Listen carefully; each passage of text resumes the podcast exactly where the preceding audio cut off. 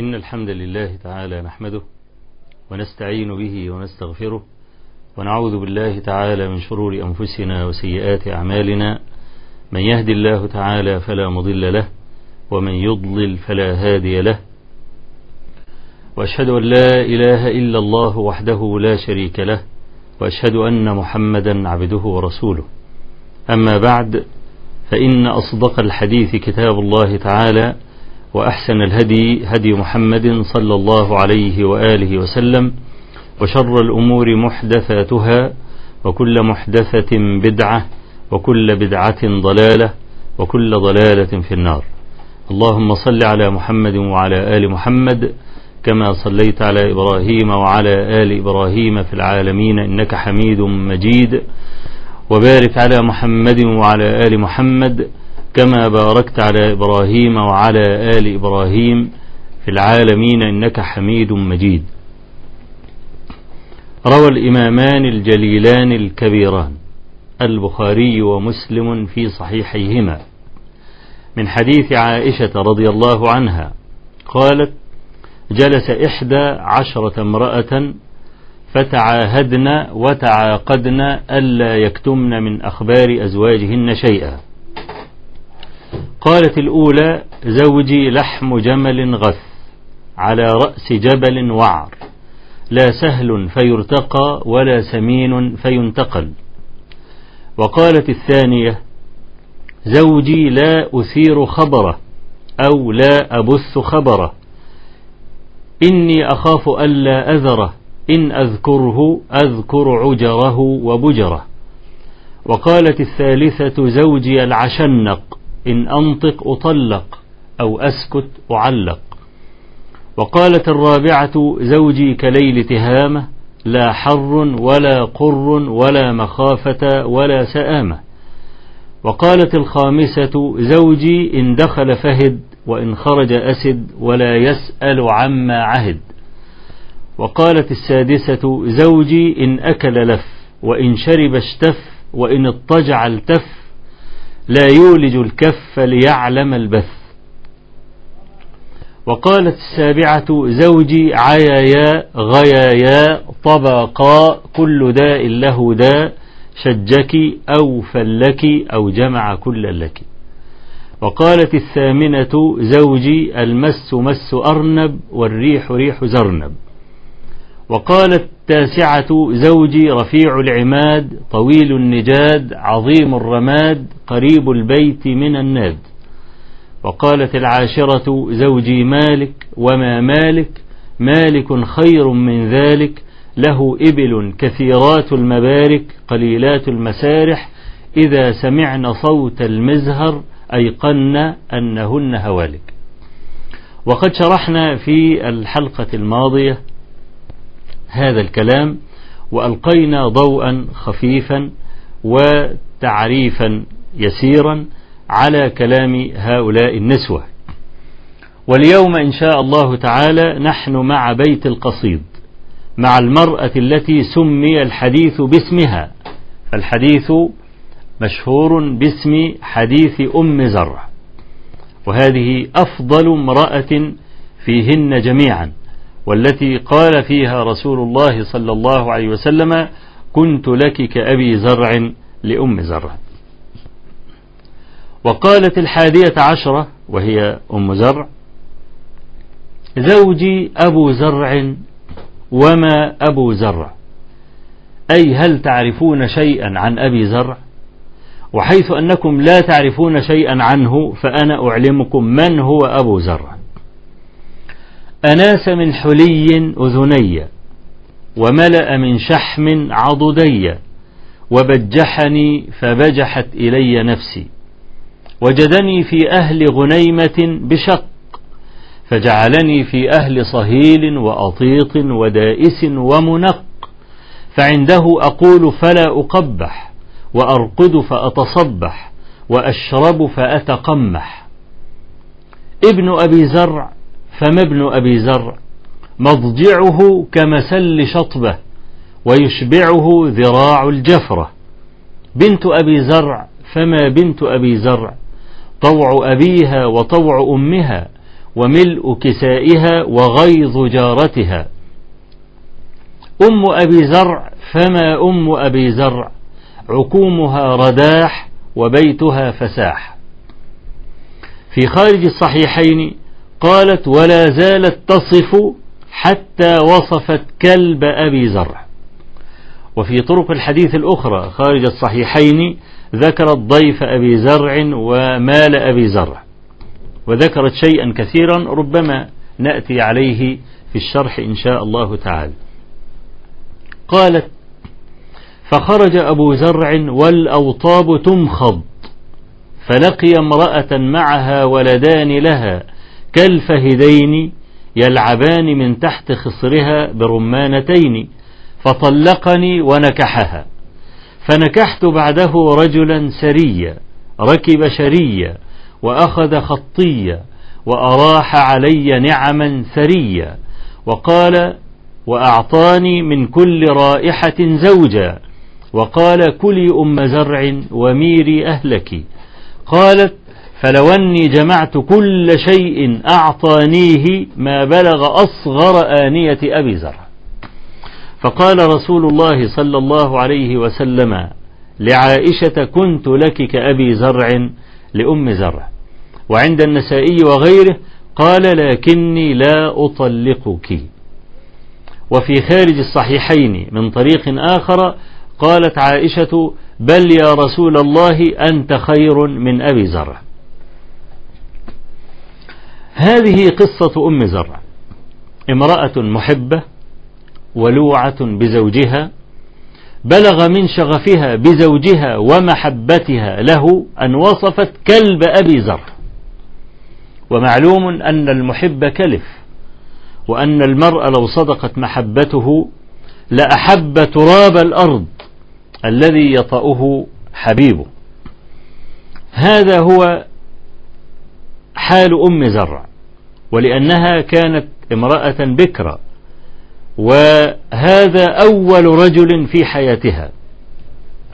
والمرأة إذا تزوجت بكرا وظلت مع زوجها حتى يموت أحدهما فلنقل حتى يموت الرجل فقد حفر الرجل مجراه في قلب امرأته.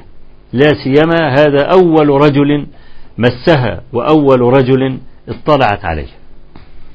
نرجع إلى أم زرع وإلى المقالة التي قالتها في زوجها.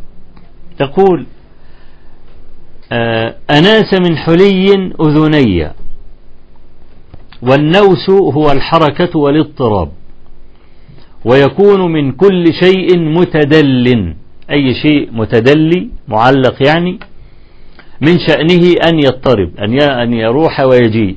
يتحرك يعني. فقالت أناس من حلي أذني أي لم يكن في أذنها ذهب لا قرط ولا شيء من ذلك. فأتى لها بذهب حتى تدلى هذا الذهب من أذنها. وفي صحيح البخاري من حديث ابن عمر وقد رواه في كتاب الجهاد قال دخلت على حفصة ونوساتها تنطف النوسات اللي الضفائر تنطف يعني يتقاطر منها الماء كانت حفصة مغتسلة وكان الماء يتقاطر من ضفائرها. وإنما قيل للضفيرة نوسة لأن المرأة إذا حركت رأسها اضطربت ضفائرها وتحركت. أناس من حلي أذني وطبعا هي بدأت بالذهب لأنه كما قيل أهلك النساء الأحمران الذهب والحرير.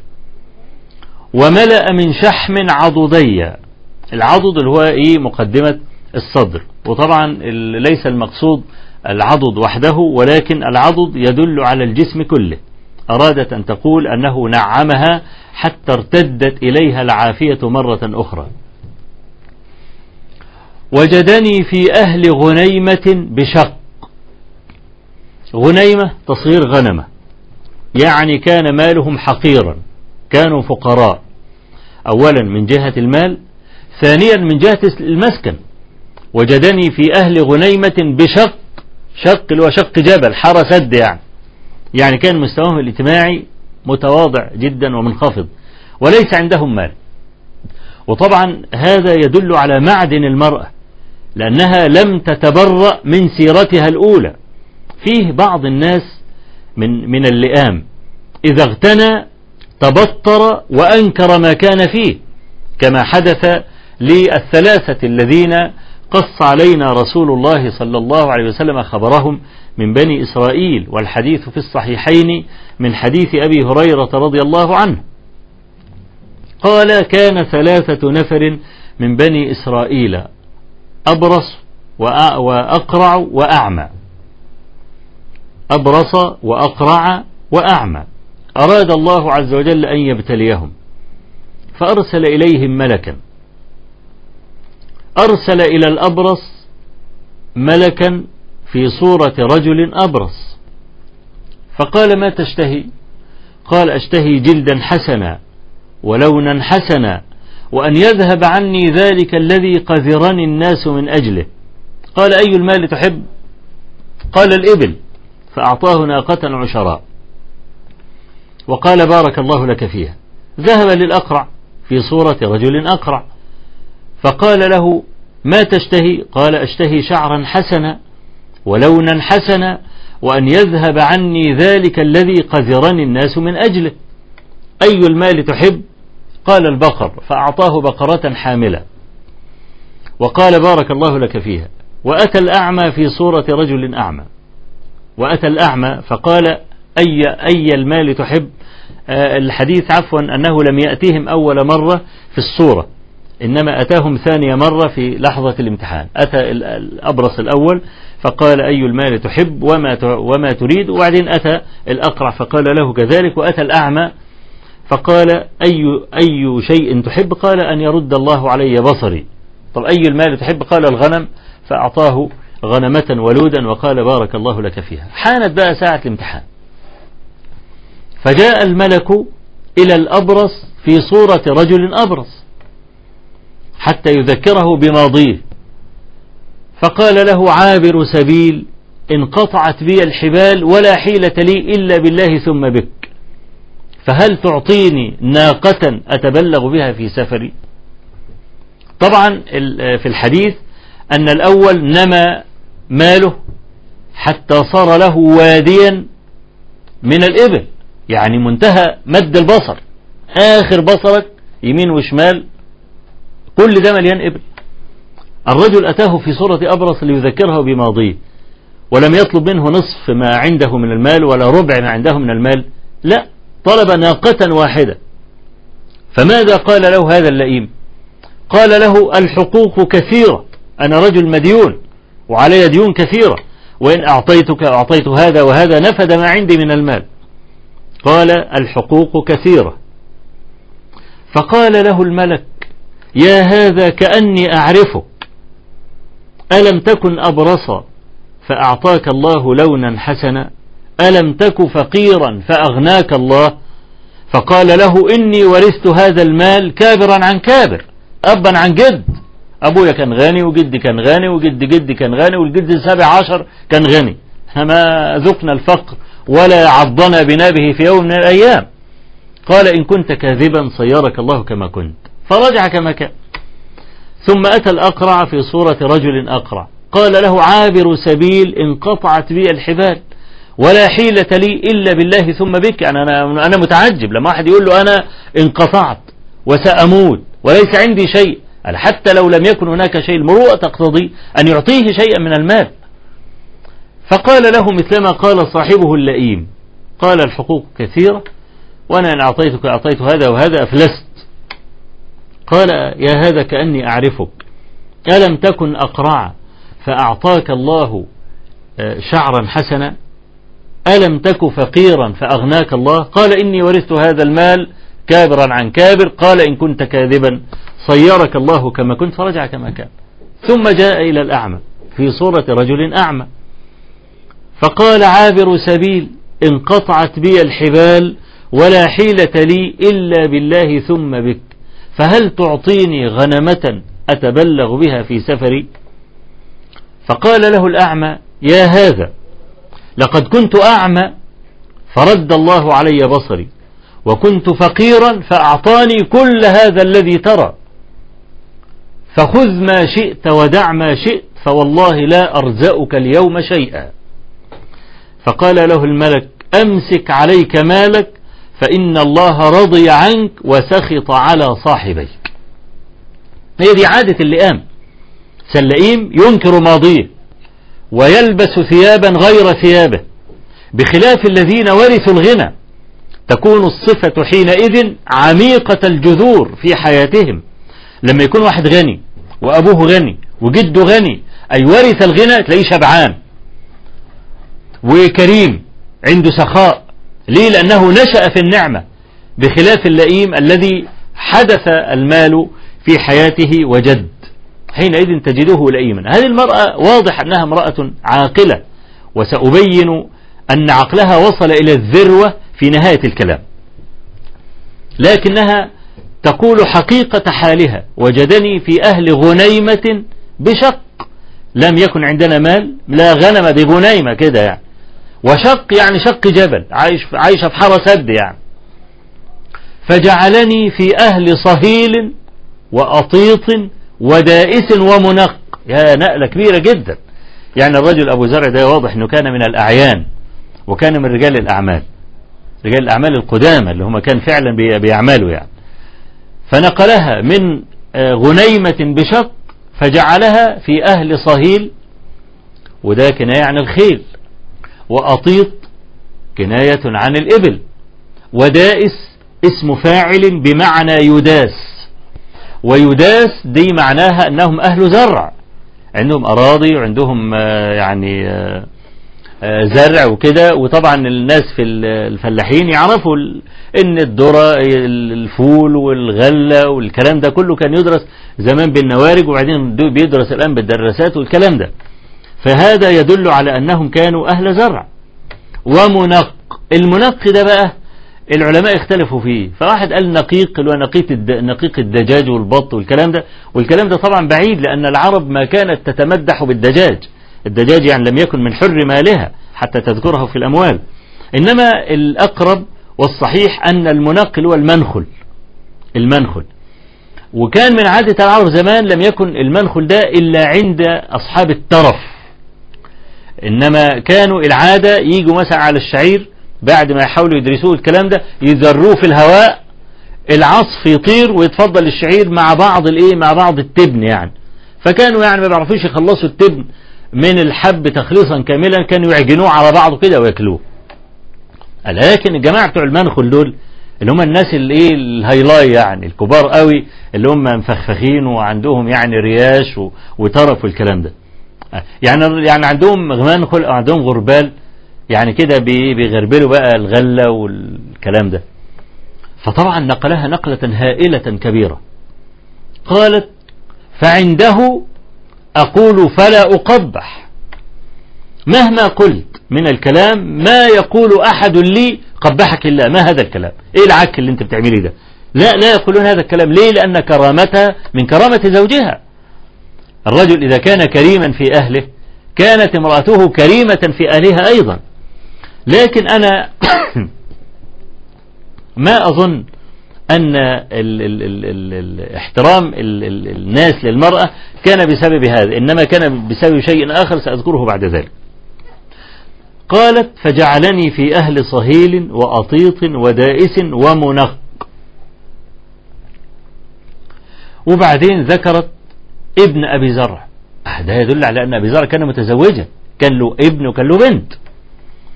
ابن أبي زرع فما ابن أبي زرع مضجعه كمثل شطبة.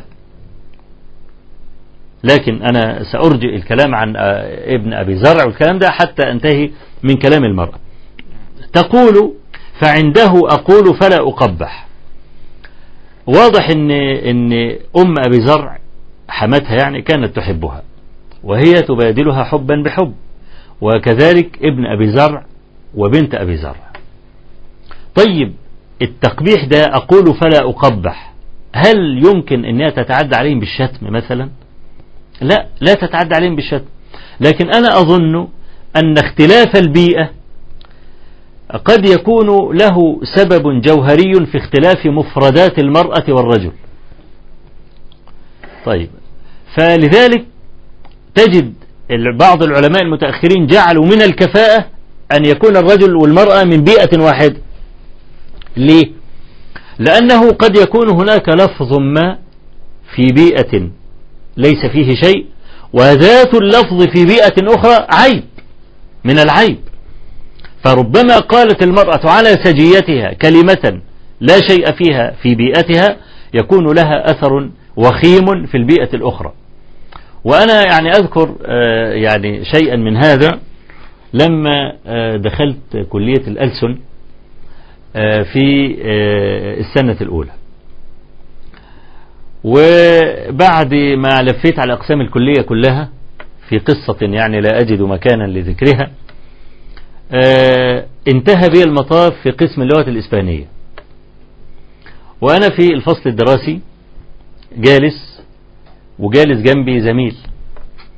فأنا الدنيا ضيقة عليا شوية يعني وهو يمينه واسع فأنا عايز أقول له يعني خد ناحيتك شوية وسع لي يعني. فقلت له ممكن تنزاح؟ أول ما قلت الكلمة كأن إيه ثعبان لدغه وبص لي كده وقال لي إيه يا أستاذ هنبتدي الغلط. فأنا طبعا اندهشت لأن أنا ما قلتش حاجة يعني أنت تستحق غلط. أنا قلت له يا أخي ده أنا أنا هو أنا غلطت فيك. ده أنا بس بقول لك انزاح. قال له وبتعيدها كمان؟ يا أستاذ الإنزاح دي تتقال لدبشة لزلطة ها؟ لطوبة. ما تتقالش البني آدم. طبعا أنا إنزاح دي عندنا عادية يعني كان كانت عادية. أنا عرفت فيما بعد إن إنزاح عند أولاد القاهرة والكلام ده معناها غرف داهي أو روح في كزحة يعني ما كنتش أعرف إن الكلمة خطيرة لهذه الدرجة. لكن إنزاح دي عندنا عادية. إنزاح أنا خد ناحيتك شوية. فطبعا آدي كلمة عندنا عادية خالص. أول ما قلتها لواحد من الهايلاي مثلا زعل قوي منها وقال إيه الكلام ده اللي بتقوله انزاح يعني روح يا زحلة ولا يا رزية ولا الكلام. فهو كأن أم زرع طبعا لأنها تعيش في حارة سد وعايشة في آه، يعني آه، جبل في شق جبل. فكأن المفردات بتاعت أم زرع لم تكن راقية كمفردات هذا الايه الزوج وأهل الزوج. ولذلك تقول فعنده أقول فلا أقبح. مفيش حد يقول قبحك ليه الكلام اللي أنت بتقوليه ده؟ ليه؟ لأن يعلمون أن أبا زرع يحبها وهي متعلقة بأبي زرع وكانوا يكرمون أبا زرع كان هو رجل البيت وكانوا يحبونه فلذلك أحب امرأته وكانت كرامتها من كرامة زوجها. فعنده أقول فلا أقبح وأرقد فأتصبح. طيب قبل ما نقول ندخل فأتصبح دي لأن في مشكلة أنا عايز أثيرها الآن بسبب هذه الكلمة فنتلقى بعض الاتصالات وثم ندلف مرة أخرى إلى ما كنا فيه. نعم السلام عليكم ورحمة الله وبركاته وعليكم السلام ورحمة الله. بارك الله فيك يا شيخ وجزاك الله خير. الله يحفظك. والله كنت عايزة أسأل حضرتك عن سؤال أنا سمعته في قناة الجزيرة وبعض القنوات يعني إن إن الرسول عليه الصلاة والسلام آه، اتكلموا على إنه عايزين يفصلوا بين نبوته وبشري يعني أفعاله كبشر والنبوة. فقالوا يعني في صفات زي الألوان والحاجات دي دي خاصة بالرسول عليه الصلاة والسلام من اختياره حالته الخاصة يعني ما ينفعش إن إحنا نتصل بيها. وبعدين رجع تاني قال يعني في الأقوال والأفعال زي الصلاة مثلا هي اللي نتصل بيها. صلوا كما رأيتموني أصلي. آه، وبرضه في آه، قالوا برضه ما ينفعش في آه، أحاديث آه، قالت في زمن الرسول لا تصلح في زماننا هذا. فمش عارفة أنا عايزة أعرف الحاجة زي إيه. قال برضه آه، آه، صلوا في نعالكم. فقال ما ينفعش إن إحنا نصلي في النعال في هذه الأيام. فكتر التساؤلات عن الموضوع ده فعايزة حضرتك توضح هل يجوز لنا إن إحنا فعلا نفصل آه، حياة الرسول عليه الصلاة والسلام بين بشريته آه، كبشر وكنبوته؟ وايه اللي يعني الموضوع ده ما ظهرش قبل كده ليه؟ والسؤال اللي كنت عايزه أسأله حضرتك يعني هو في فعلا أحاديث للرسول عليه الصلاة والسلام آه، قالها في زمانه ما تصلحش مع زماننا؟ ولا مش عارفة ليه هم بيقولوا الحاجات دي؟ وجزاك الله خيرا والسلام عليكم ورحمة الله وبركاته. بارك الله فيك. هو ده الكلام ده يعني آه، صحيح لكن فيه لبس. لأن إحنا عندنا آه، العلماء يقولون إن في سنة عبادة وفي سنة عادة. أما العبادات فكلها نمتثلها لا شك فيها. لكن ما يتعلق بعادته صلى الله عليه وسلم في نفسه فطائفة من أهل العلم يقولون لا يتأسى به فيها. وطبعا لا يتأسى به صلى الله عليه وسلم فيها على جهة العبادة والتقرب إلى الله تبارك وتعالى. لكن لو لو تقرب المرء إلى الله عز وجل بسنة عادة بقصد أن يتشبه بالنبي صلى الله عليه وسلم فلا شك أنه مأجور. ويضربون لذلك مثلا في قصة تأبير النخل والكلام ده التي رواها مسلم في صحيحه أن النبي صلى الله عليه وسلم رأى قوما يؤبرون النخل فقال ما أظن هذا يغني فتركوه فخرج شيصا. يعني البلح يعني لم يعني ينمو. فقالوا للنبي صلى الله عليه وسلم في ذلك فقال أنتم أعلم بأمور دنياكم. فكل شيء فعله رسول الله صلى الله عليه وسلم من سنة العادات التي لم يطلب من المسلمين فعلها بلفظة افعل فيقولون أن العبد مخير فيها. ولكن بكل أسف يجعلون في هذه في هذا القسم أشياء من العبادات.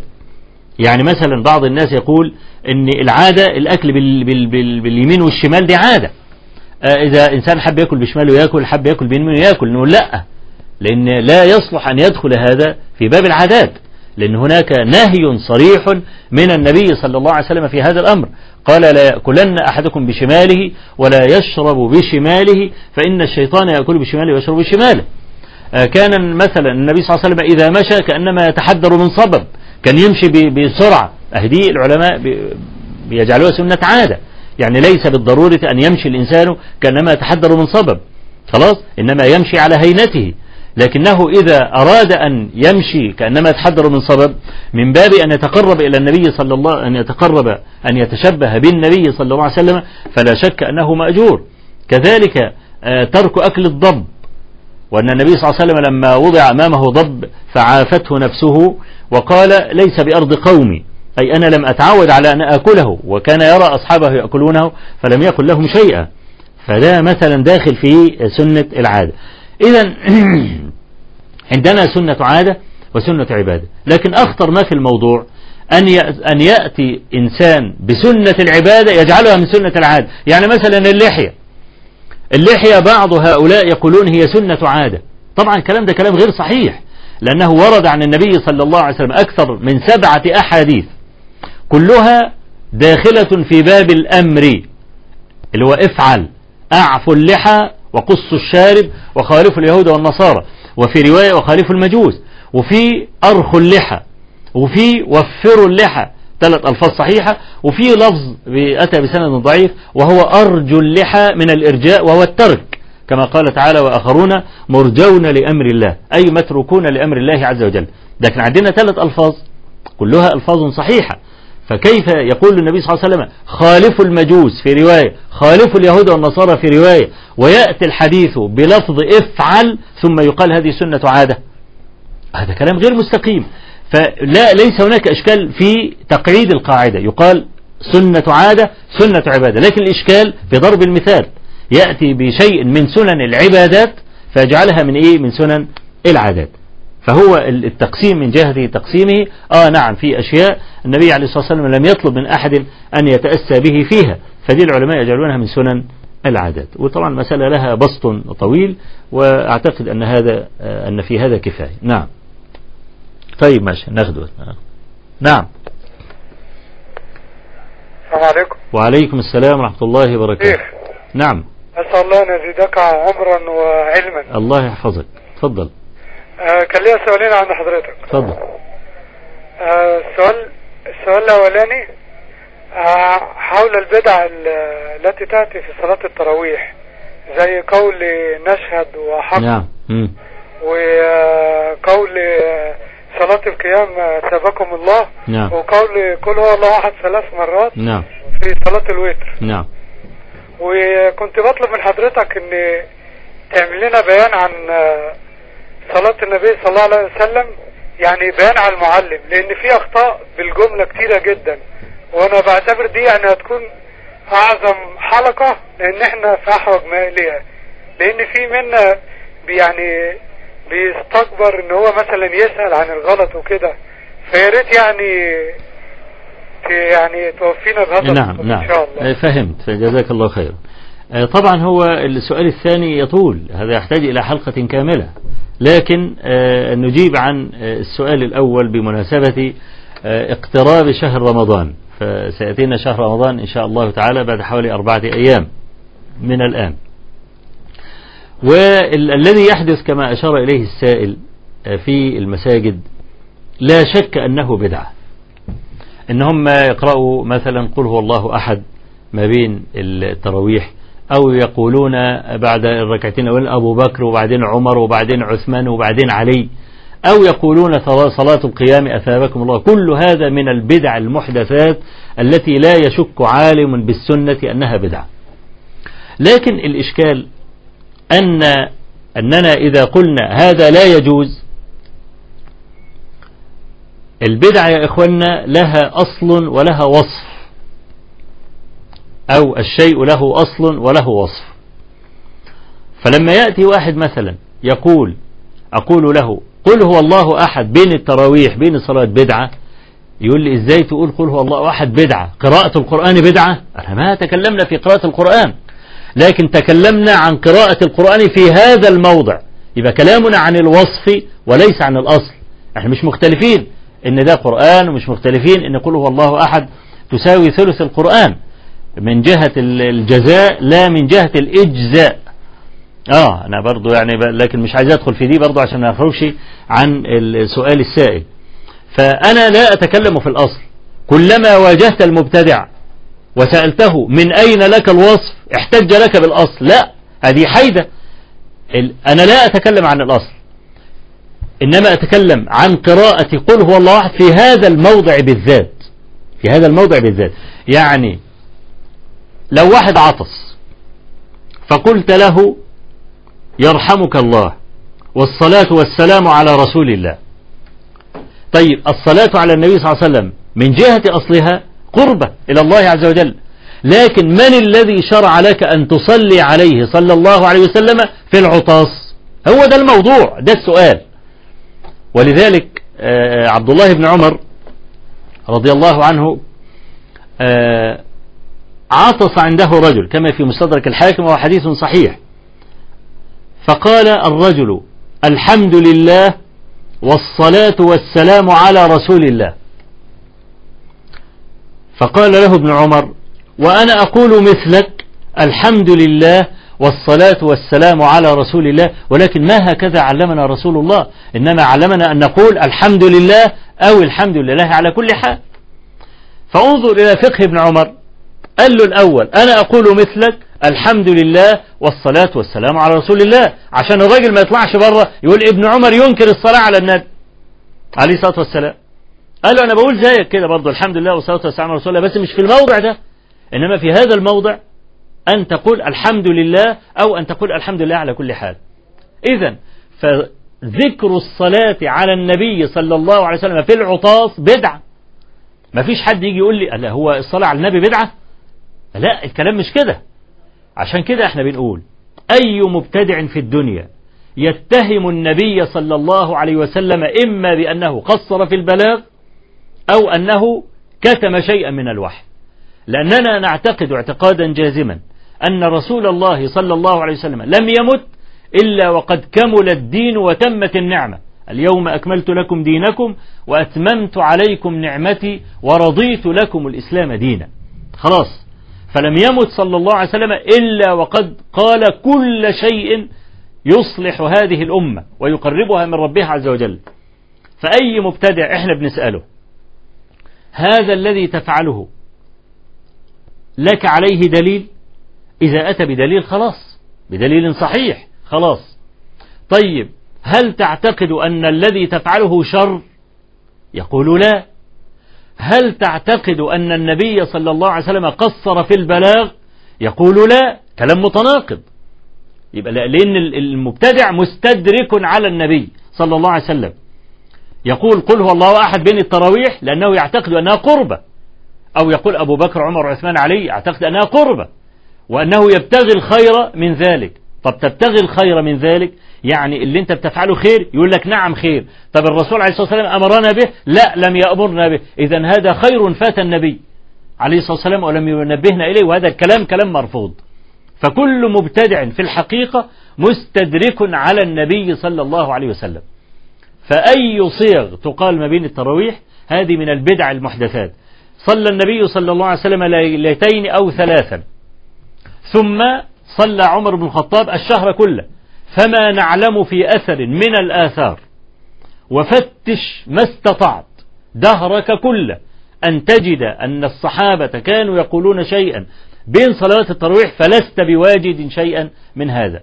فلا يمنعنا انتشار البدعة بين العوام أن نقول أن هذا بدعة وأن هذا خطأ وأن هذا لا يجوز. أما السؤال الآخر لأخينا السائل فهذا يحتاج إلى يعني بسط ويحتاج إلى حلقة كاملة. نعم. طيب ماشي.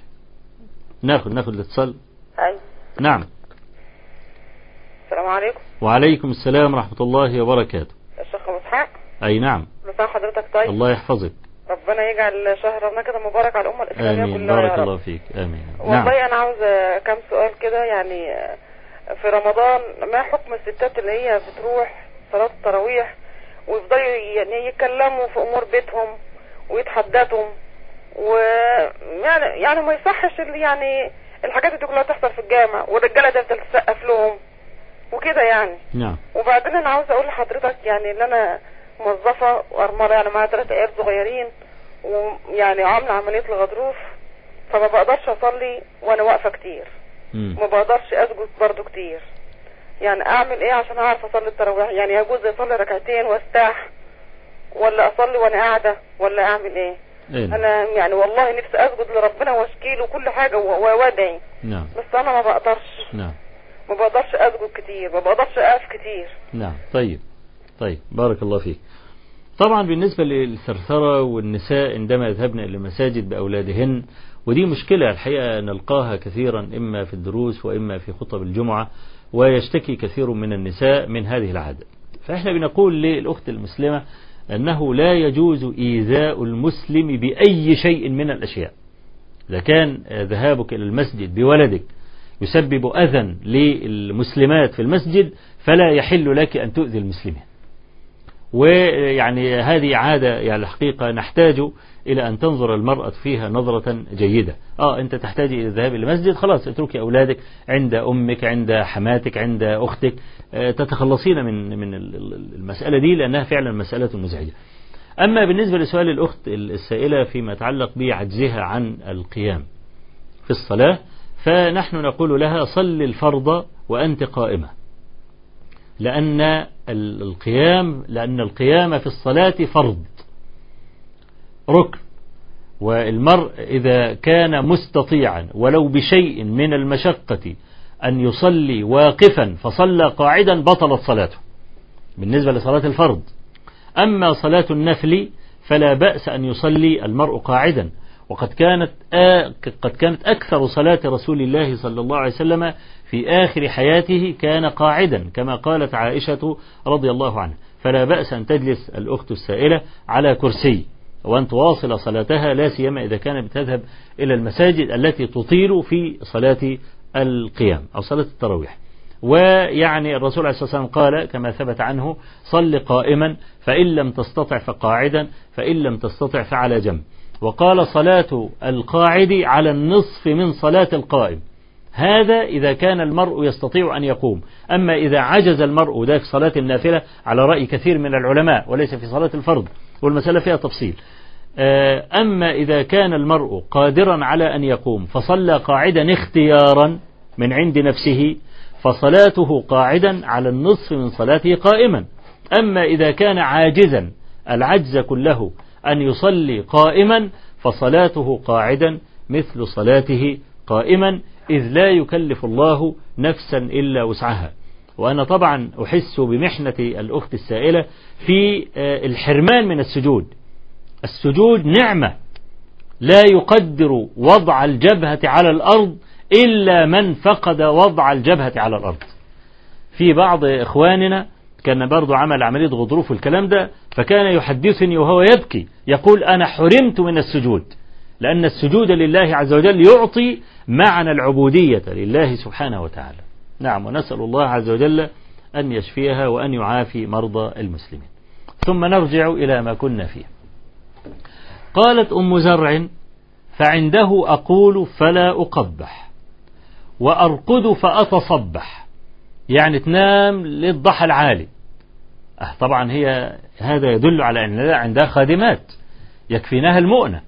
وإلا لو كل لو كانت أم زرع كنسائنا مثلا لازم تصبح من صلاة تصلي الفجر ولا تستطيع أن تنام. ليه؟ لا سيما إذا كان في دراسة زي بدء العام الدراسي هذه الأيام بتجهز الأولاد الشنط وتجهز لهم الأكل والفطار والبتاع والكلام ده ولا تستطيع أن تنام. ليه؟ لأن المرأة عاملة نفسها. لأن المرأة عاملة نفسها. لكن هي كونها بقى تنام حتى يعني ترتفع الشمس وخلاص ويقترب الظهر. من الدخول والكلام ده فهذا فيه دلالة على أن المرأة مخدومة أي عندها خدم يكفونها مؤنة البيت. أنا بقى عايز أتكلم عن مسألة الخادمات. وعايز أتكلم كلام ليس رأيي الشخصي إنما هذا الرأي الذي سأقوله والنصيحة التي لأن النصيحة التي سأقولها أنا عرفتها من شكوى مئات أو ألوف النساء والرجال على مدى حياتي الدعوية آه المرأة إذا كانت مخدومة عندها أكثر من خادمة واحدة بتنظف لها البيت واحدة بتنظف لها المطبخ واحدة بتطبخ لها وواحدة بتكنس لها وواحد مش عارفين الكلام ده. والمرأة كل اللي بتعمله إنها قاعدة قدام المراية بس أو إنها تصدر الأوامر. هذه المرأة لا يكون لها رصيد في قلب زوجها حتى لو كان الزوج غنيا وكان الزوج هو الذي اقترح وجود الخادمات. إذا حصل نوع من المغاضبة بين الرجل والمرأة لا يجد الرجل للمرأة جميلا عليه. هي بتعمل إيه؟ كل حاجة مكفية. ست خادمات بيعملوا كل حاجة. هو المرأة لازمتها إيه؟ ليس لها قيمة في حياتي. لا يشعر أنها أدت جميلا. طب أنا بطلع أشتغل وأنا اللي بكلف على القصة دي كلها. أنا اللي بدفع أجور الخادمات والمسألة كلها أنا اللي طب المرأة بتعمل إيه؟ ما بتعملش حاجة. لذلك إذا نشزت المرأة لا يتحمل الرجل نشوزها وممكن يغاضبها ويتركها ولا يريح صدرها بكلمة. ليه؟ لاعتقاده من الداخل إن المرأة لا تفعل شيئا. ما هو الحياة دي تكاليف. أنت ولهن مثل الذي عليهن بالمعروف. أنا أنا علي حاجة وأنت عليك حاجة. لما تكون أنت مخدومة وكل حاجة أنت بتعمليها شغلتك إيه في البيت؟ قيمتك. ما هي؟ فلا يكون للمرأة قيمة كبيرة عند الرجل لذلك لا يكترث بشعورها. تغضب وتزعل وتخبط دماغها في الحيط الرجل لا يعتني بهذا. وأنا أقول للمرأة إن كان لابد لك من خادمة يبقى خادمة عشان تنظف البيت تكنس البيت لكن الطعام لا تدعي أحدا يطبخ أبدا ولا يعد الطعام لزوجك وأولادك أبدا. الخادمات يجي يعملوا كل حاجة لكن الأكل لا. والمرأة العاقلة تظن أن يطعم زوجها غيرها. فدي دي مسألة مهمة. أنا وجدت إن كثير النساء اللي بيتصلوا عشان يشتكوا إن الرجل يعني أهملهن إهمالا كاملا والكلام ده. أقعد أدردش معاها عشان أعرف إيه القصة في حياتها بالضبط لأن القصة المسألة هنا ليست فتوى فقط. المسألة نصيحة والنصيحة تحتاج إلى ذكر معطيات. في حياة المرأة حتى أستطيع أن أقول لها هذا غلط وده غلط وده غلط افعلي هذا واتركي هذا. فلذلك مسألة الخادمات والكلام ده هو لها جانب سلبي. آه المرأة تستريح صحيح لكنها تخرج عادة أو في أغلب ما أعرفه أنا من حالات الشكوى تخرج من قلب زوجها ولا يكون لها جميل على زوجها. أم زرع تقول إنها مكفية. شوف بقى من أهل غنيمة بشق؟ شغالة مرمطون وفي حرس هد والكلام ده لحد ما بقت مخدومة. لا تقبح وفي نفس الوقت ترقد فتتصبح وأشرب فأتقمح. ووقع في الصحيحين بالنون والبخاري صوب رواية الميم أتقمح. طبعا في فرق بينهم الاثنين. أشرب فأتقمح يقال بعير قامح. إذا ذهب إلى الماء فشرب ثم رفع رأسه زهدا في الشراب. خلاص ملأ بطنه ريا وخلاص ما عادش عايز يشرب. آدي أتقمح. إنما أتقنح بالنون. دي يعني بعدما شبع يعني يأكل. يعني مثلا أكل الديك مثلا. بس ما فيهوش إنفلونزا ولا حاجة. ديك سليم بلدي يعني. بعد ما تاكل الديك يقوم يقول لها إيه؟ طب خد الورك ده.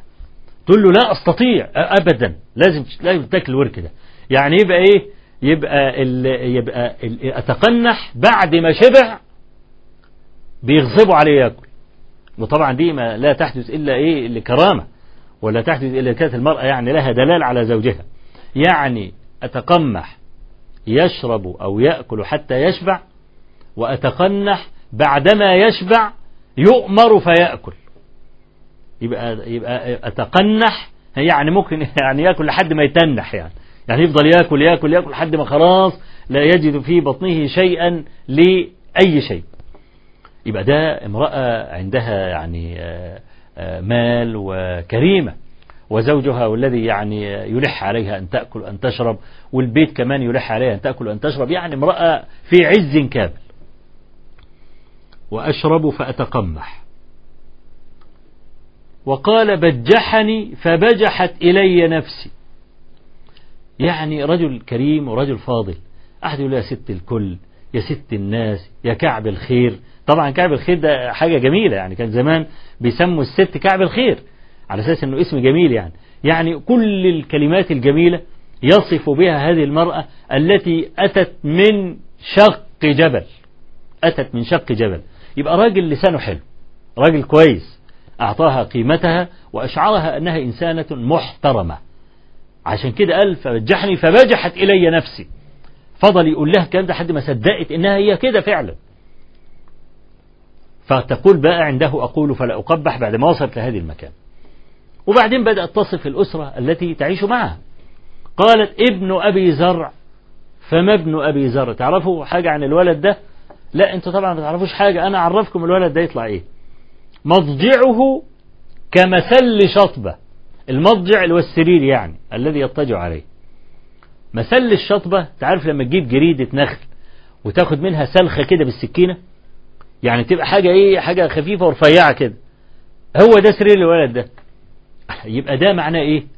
معناه إنه مش مش قد كده مش تخين يعني. لا ده يبقى إيه؟ ممشوق القوام كالسيف. وهذا كان شيئا ممدوحا عند العرب. الرجل لما يبقى يعني كده عضلاته مفتولة جلد على عظم ده يبقى ولد كويس. الست لما تبقى تخينة تبقى ست كويس. يعني عند العرب كانت المسألة مختلفة. الراجل لازم يبقى إيه؟ لازم يبقى رفيع. حتى يعني أذكر حديثا في صحيح مسلم يرويه أنس بن سيرين. قال سألت ابن عمر عن الركعتين قبل صلاة الغداء. قبل صلاة الفجر يعني. أكان النبي صلى الله عليه وسلم يطيل, يطيل القراءة فيهما. فقال له ابن عمر كان رسول الله صلى الله عليه وسلم يصلي الليل مثنى مثنى ويوتر بركعة. فأنس بن سيرين قطع الكلام عليه. قال لست عن هذا أسألك. فقال له ابن عمر إنك لضخم لضخم. تخين. وكان زمان العرب التخن ده علامة بلادة عند العرب وعلامة غباوة عند العرب. أنا لا أقول إن كل تخين كده لا. لكن دي كانت عند العرب كده.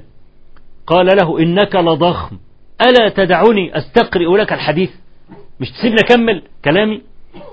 قال كان رسول الله صلى الله عليه وسلم يصلي الليل مثنى مثنى ويوتر بركعة وكان يصلي ركعتين قبل الغداء كأن الأذان بأذنيه. يبقى ده سريع ولا بطيء؟ بيطيل القراءة ولا بيخففها؟ طبعا بيخففها. ليه؟ كأن الأذان بأذنيه فمش عايز الأذان يدعن عليه وهو بيصلي. فهذا يدل على إيه على أن الصلاة قبل الإيه؟ قبل الغداء كانت ركعتين خفيفتين. حتى قالت عائشة رضي الله عنها كان يقرأ فيما بال كنت أقول يقرأ فيما بالفاتحة فقط. من سر من شدة تخفيفه صلى الله عليه وسلم هاتين ركعتين الشاهد يعني من الحديث ابن عمر بيقول له إنك لضخم. فالضخامة دي لم تكن محمودة عند العرب. فعايزة تقول إن الولد رشيق والولد ده ولد شجاع وإذا دخل في كر وفر والكلام ده يدخل من تحت الرجلين ويطلع مش عارف منين والكلام ده. يعني ولد إيه؟ ولد عنده يعني آه سرعة بديهة وسرعة رشاقة والكلام ده. فهذا مدفن في الولد. ويشبعه ذراع الجفرة. مضجعه كمسل شطبة ويشبعه ذراع الجفرة الجفرة اللي هي آه أنثى الماعز اللي سنها أربع شهور. وقد فصلت عن أمها صارت فصيلا فطمت يعني عن أمها وصارت تأكل. ذراع الجفرة اللي هي الرجلين القدامانيين للجفرة للماعز دي أول ما ياكلها يتكرع. إيه ده؟ خلاص بطن اتنفخت. طب إيه اللي في إيه اللي في رجل ال- المعزة دي؟ ولا حاجة مفيش فيها لحم. هو مجرد ما يعديها على أسنانه كده خلاص يبقى بل ريقه بس. ومع ذلك الولد إيه يعني يشبع ذراع الجفرة مما يدل على إنه إيه أكله قليل وهذا يناسب جسمه الايه المفتول. بنت أبي زرع فما بنت أبي زرع؟ طوع أبيها وطوع أمها وملء كسائها. شوف بقى ملء كسائها تخينة. تخينه يعني مال يهدمها يعني. ده عكس الراجل زي ما قلنا. وملء كسائها وغيظ جارتها. طوع أبيها وطوع أمها أتت بأفضل خصال الولد. وأفضل خصال الولد البر. إن هو أن أن يكون مطيعا لأبويه. يعني ليس من الجميل أيها الولد. بعدما كبرت وبدأت تشعر أنك رجل أو بدأت المرأة الب- البنت تشعر أن لها شخصية أول ما يسترجل يسترجل على أبوه وأمه. وأول ما البنت تحس أن لها شخصية يبقى لها شخصية على أبوها وأمها. دي مشكلة. هذه مشكلة كبيرة. لا. كان أبوك وكانت أمك كلاهما ينتظر منك إذا بلغت السن أن تكون بارا. والبر شيء هين وجه طلق وكلام لين. لا سيما إن محبة الوالد والوالدة للولد محبة طبع ومحبة الولد لأبيه وأمه محبة تكلف. لهذا لم يوصي الله عز وجل الآباء بالأبناء في القرآن أبدا إلا في موضع واحد. لكن في كل المواضع يوصي الأبناء بالآباء. لكن الأب ده بيحب ابنه طبع مغلوب على حب ابنه والأم مغلوبة على حب ولدها. فلا توصي حريص كما يقال.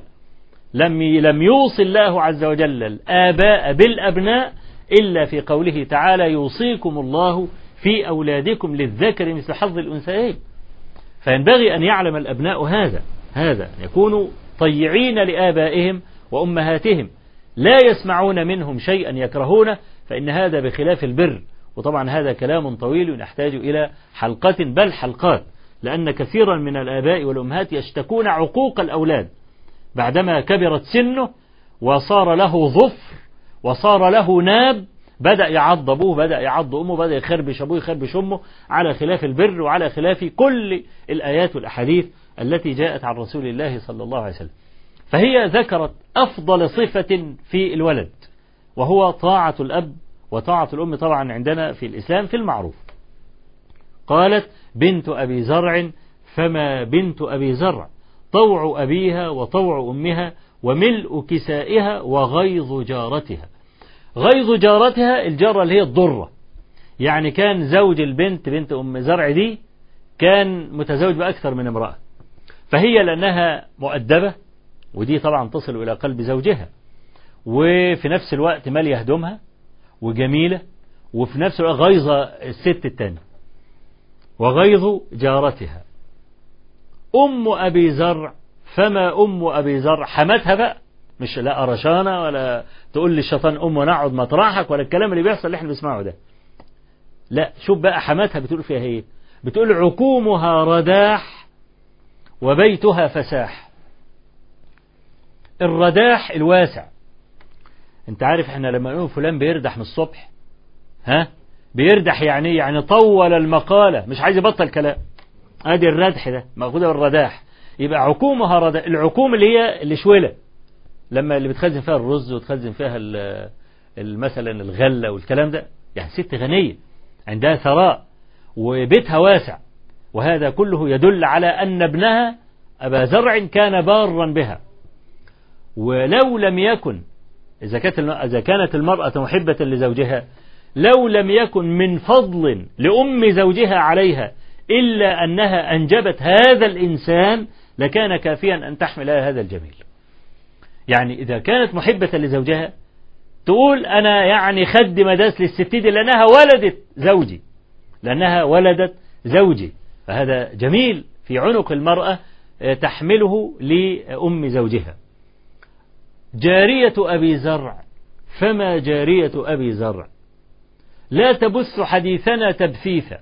ما عندناش البث المباشر ده. كلمة تتقال في البيت الدنيا كلها تعرف إيه اللي بيحصل في البيت. لا بنت أمينة. لأن المجالس بالأمانة كما قال صلى الله عليه وسلم إذا حدث الرجل بالحديث ثم التفت فهي أمانة. وأنا بقول الكلام ده للمسلمين اللي مش واخدين بالهم من المسألة دي. نبقى جالسين في مجلس ولا قلت كلاما. على طول في مجلس تاني يقول والله كنا قاعدين مع فلان وبعدين قال كذا وكذا وكذا وكذا. طب الكلام الذي قلته أنا ربما يفضحني عند رجل آخر. ربما يكشف سري عند رجل آخر يكون عدوا لي فيؤذيني. فلا يحل لأحد كان يجلس في مجلس أن يذكر أسماء أو أن يذكر مقالة فينسبها لإنسان بعينه. إذا كان لابد أن تتكلم والكلام الذي قيل في المجلس فيه كلام مفيد وعايز تنقله؟ تقول آه كنا قاعدين مرة مع بعض الناس فقال بعض الجالسين كذا وكذا وكذا. آه ممكن تقولها من باب ما بال أقوام. ولا تنسب الكلام إلى قائله. لكن رب, رب كلمة تؤذيني أنا أسررت بها إليك إذا علمها غيري غيرك آذاني. وأنت ما كنت تتصور على الإطلاق إن ذيك ممكن تؤذيك. زي مثلا لما بيجي مثلا بعض ال ال ال الأزواج اللي هم لهم أكثر من زوجة يجي طبعا مشاكل وكده. أنت عارف من ضمن المشاكل مثلا واحد بيحكي لي بيقول لي رحت لواحدة متأخر يعني ساعتين ثلاثة طب اتأخرت ليه؟ قال لها والله ده فلانة اللي هي زوجة الأخرى يعني كانت طالبة جاتوه وجبت لها جاتوه وعديت. جاتوه؟ يا سلام هي بتاكل جاتوه أنا ما اكلش جاتوه؟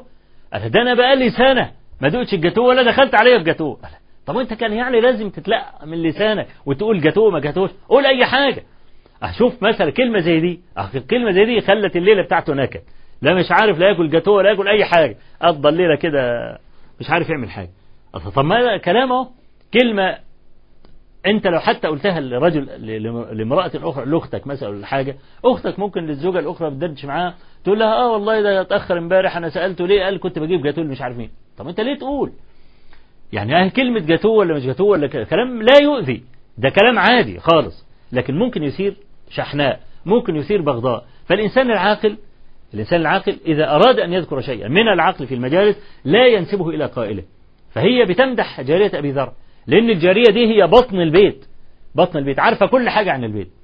فإذا كان من عاداتها كل ما تسمع كلمة تروح تقولها هذه مشكلة كبيرة جدا لأن تكشف البيت بتعريه يعني. فهي تقول لا تبث حديثنا تبثيثا. السر مكتوم. لا تبثه إلى غيرنا. ولا تنقث ميرتنا تنقيثا. لا تفسد المعاش. معدية كده لقت مثلا شوال الرز كده موقع رز ما تسيبوش. لقت مثلا حلة الأكل مكشوفة تغطيها. يعني جارية حريصة على معاش البيت. لا تفسده. لا تنقص ميرتنا تنقيث. ولا تملأ بيتنا تعشيشا. نظيفة. لا تجعل من كتر القمامة وال والحاجات الفضلات البيت والكلام ده لا تجعل بيتنا كعش الطائر. عش الطائر عبارة عن ريش وحشيش وقش وحطب والكلام ده لا بيتنا نظيف. جارية نظيفة. لا ولا تترك شيئا في البيت مما يجعله كعش الطائر. فضلت بقى المرأة عمالة تسترسل بقى في وصف كل حياة أبي زرع. حتى وصلت إلى كلب أبي زرع وأنا الحقيقة يعني وأنا بفتش في طرق الحديث كان يعني في نفسي أعرف كيف وصفت المرأة كلب أبي زرع هتقول ودانه كذا وديله كذا وشعره كذا أكيد كانت تتغزل في الكلب برضه. كل هذا بسبب محبتها لزوجها.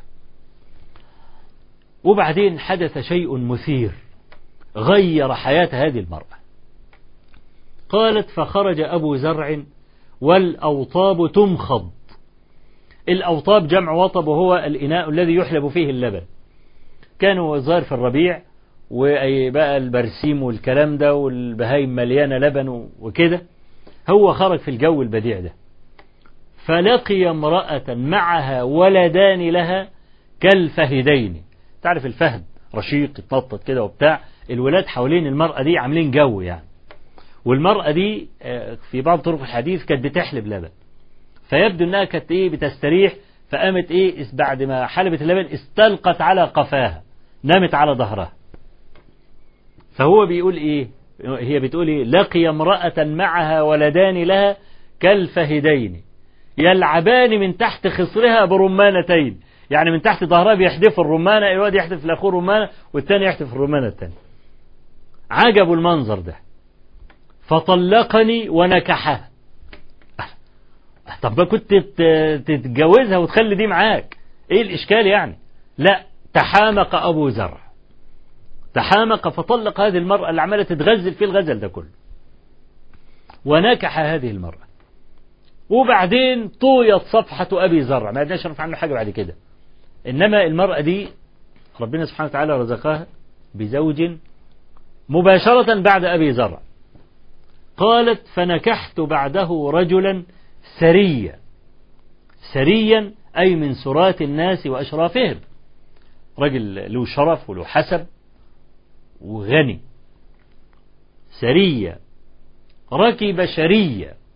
الشري من الخيل هو أجود أنواع الخيل. اللي هو الخيل المتعجرف. اللي هو زمان كنا بنشوفه في الأفراح والكلام ده يقعد يرقص على الطبل والحاجات دي. فهذا النوع إذا ركبه الراكب انتقل إليه كبر الخيل. يعني شوف الرسول عليه الصلاة والسلام يقول كما في حديث أبي هريرة في الصحيحين الفخر والكبر في أهل الخيل والإبل والسكينة والوقار في أهل الغنم.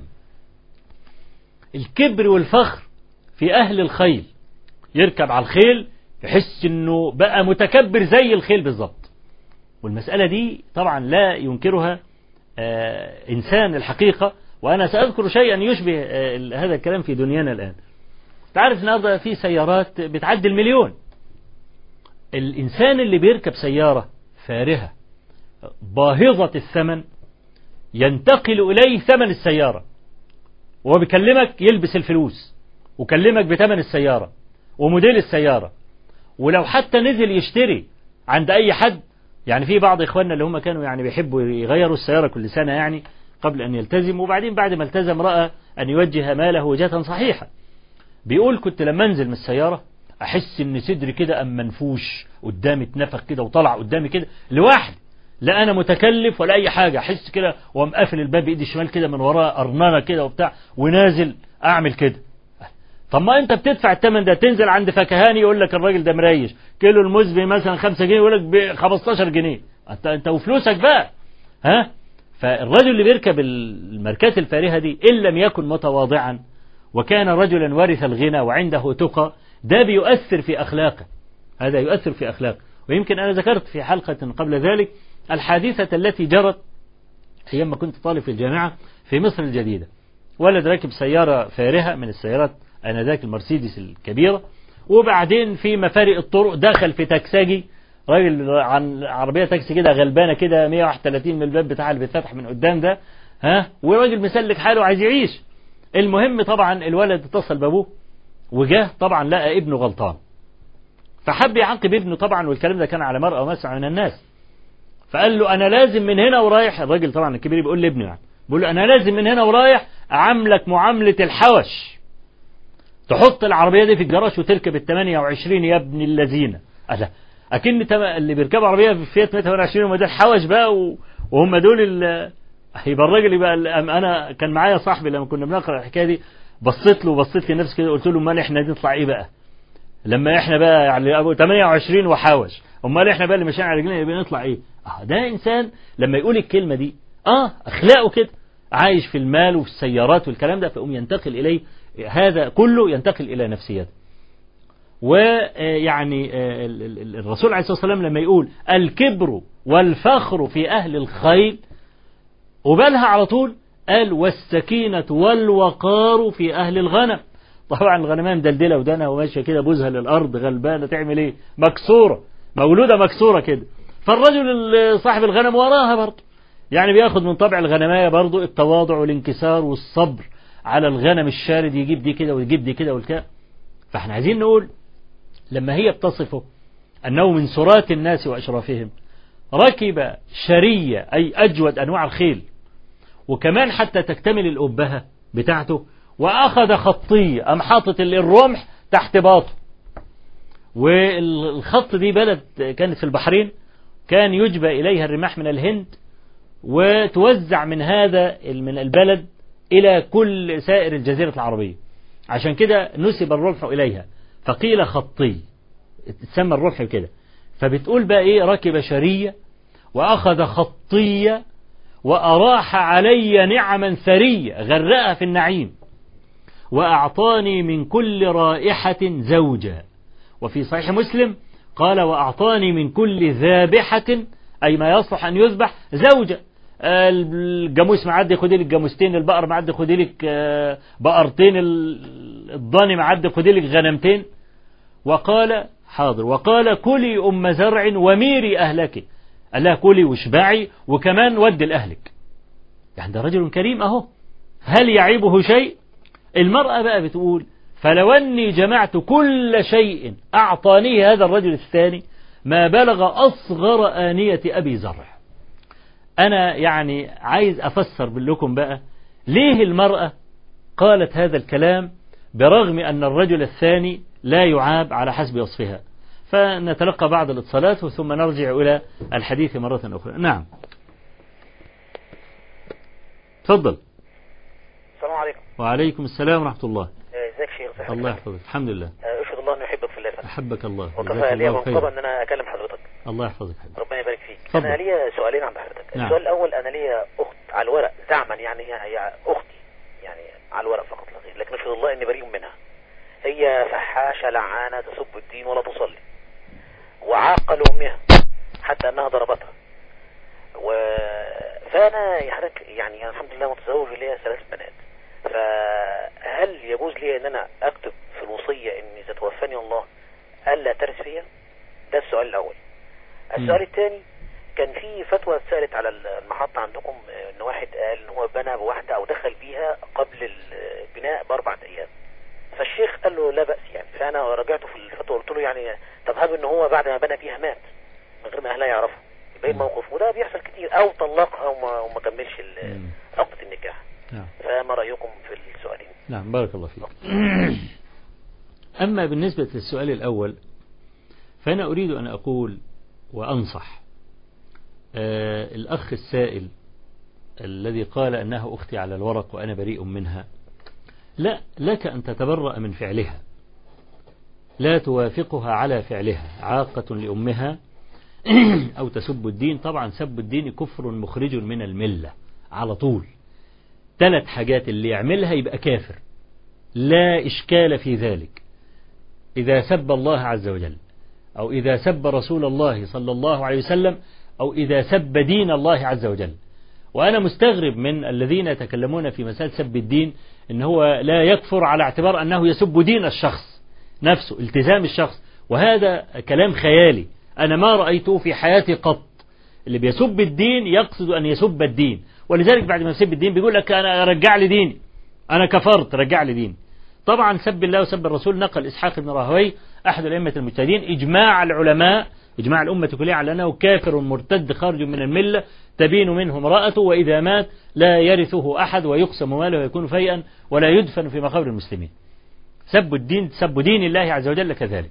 فطبعا هذا هذه كبيرة. لكن هل الأخ السائل كان رفيقا معها وبذل الجهد معها وصبر على أذاها ودعاها إلى الله سبحانه وتعالى حتى إذا أفرغ الوسع في ذلك فهجرها كان له ذلك. إذا هجرها في الله كان له ذلك ودي قاعدة معروفة عند أهل العلم وهو الزجر بالهجر. أن يهجره ليزجره. والزجر بالهجر داخل في باب الاستصلاح. يعني إذا كان مثلا واحد أنت لو هجرته ازداد غيا وضلالا لا تهجره. الشرع لا يقول لك هجره لأنه لما أمرك بالهجر قصد أن يستصلح هذا العاق. لكن إذا نفر هذا العاق ليه بقى لا؟ إحنا مش القصد ان يزداد نفورا. القصد إن إحنا لما هجر انه يرجع يقول يا جماعة طب لماذا خاصمتموني أنا أحبكم. طيب أنا غلطان في إيه؟ نقول له أنت غلطان في كذا وكذا خلاص مش هعمل الكلام ده تاني. خلاص ماشي. ده القصد من الزجر. خلاص القصد من الهجر. هذا القصد. لكن إذا كما قلت هجرناه فازداد غير وضلالا فالشريعة لا تبيح لك أن تهجره بل تظل على الأقل على حالك ويبقى فيه نوع من الجسور الموصولة لعل الله تبارك وتعالى أن يهديها. وأسأل الله عز وجل أن يهديها وأن يفتح قفل قلبها بالإيمان. أما السؤال الثاني وهو أن رجلا عقد على امرأته وبنى بها قبل أن يدخل الدخول الرسمي العام اللي فيه الإشارة والكلام ده. آه، فأنا أقول أنه لا يجوز له ذلك. وإن كان إذا أتاها لا يقال أنه زان ليه؟ لأنه زوجها.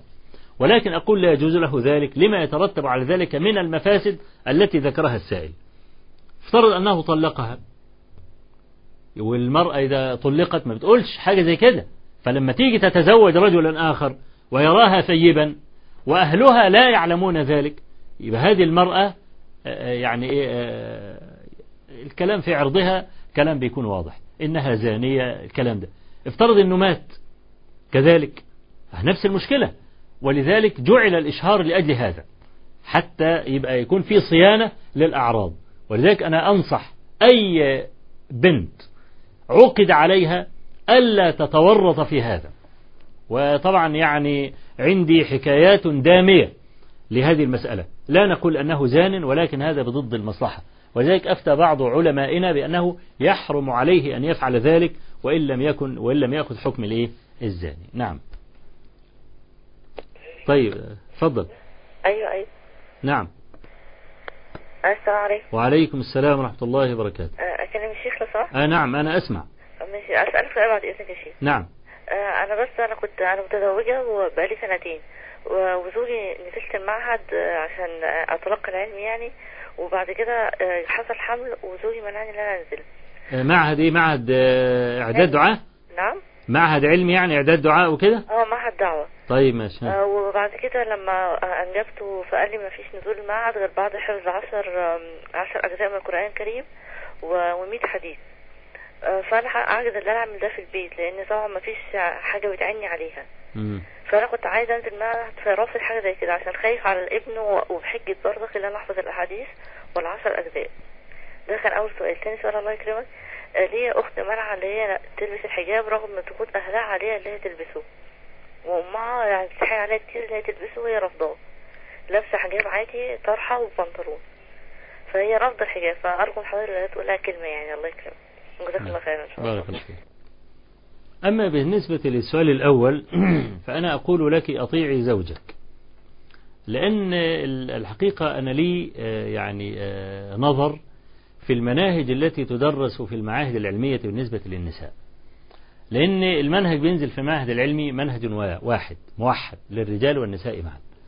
وتشتغل كثير من النساء بعلوم لا تنتفع بها في في حياتها العملية. يعني لا تزيد من خشوع قلبها ولا تزيد من إقبالها على ربها لا سيما إذا استمرت المسألة سنة وسنتين وثلاث.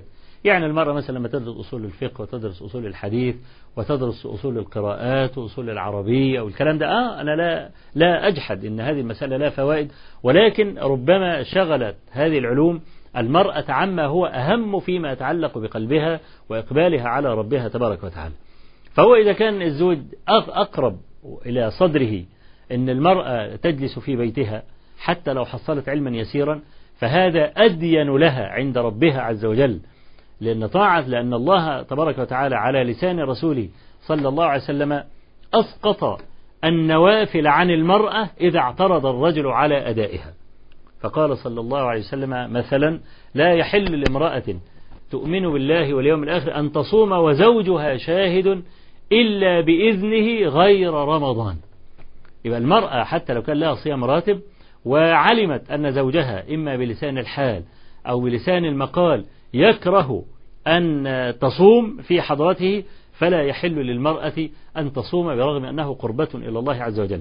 فكيف إذا كانت العلوم التي تدرسها المرأة علوم آه، يعني آه، كفايات الكفايات بالنسبة للمرأة فأنا أقول لها من البركة حتى على الفهم وعلى القلب أن تكوني مطيعة لزوجك لا سيما إذا لم يأمرك بمعصية الله عز وجل.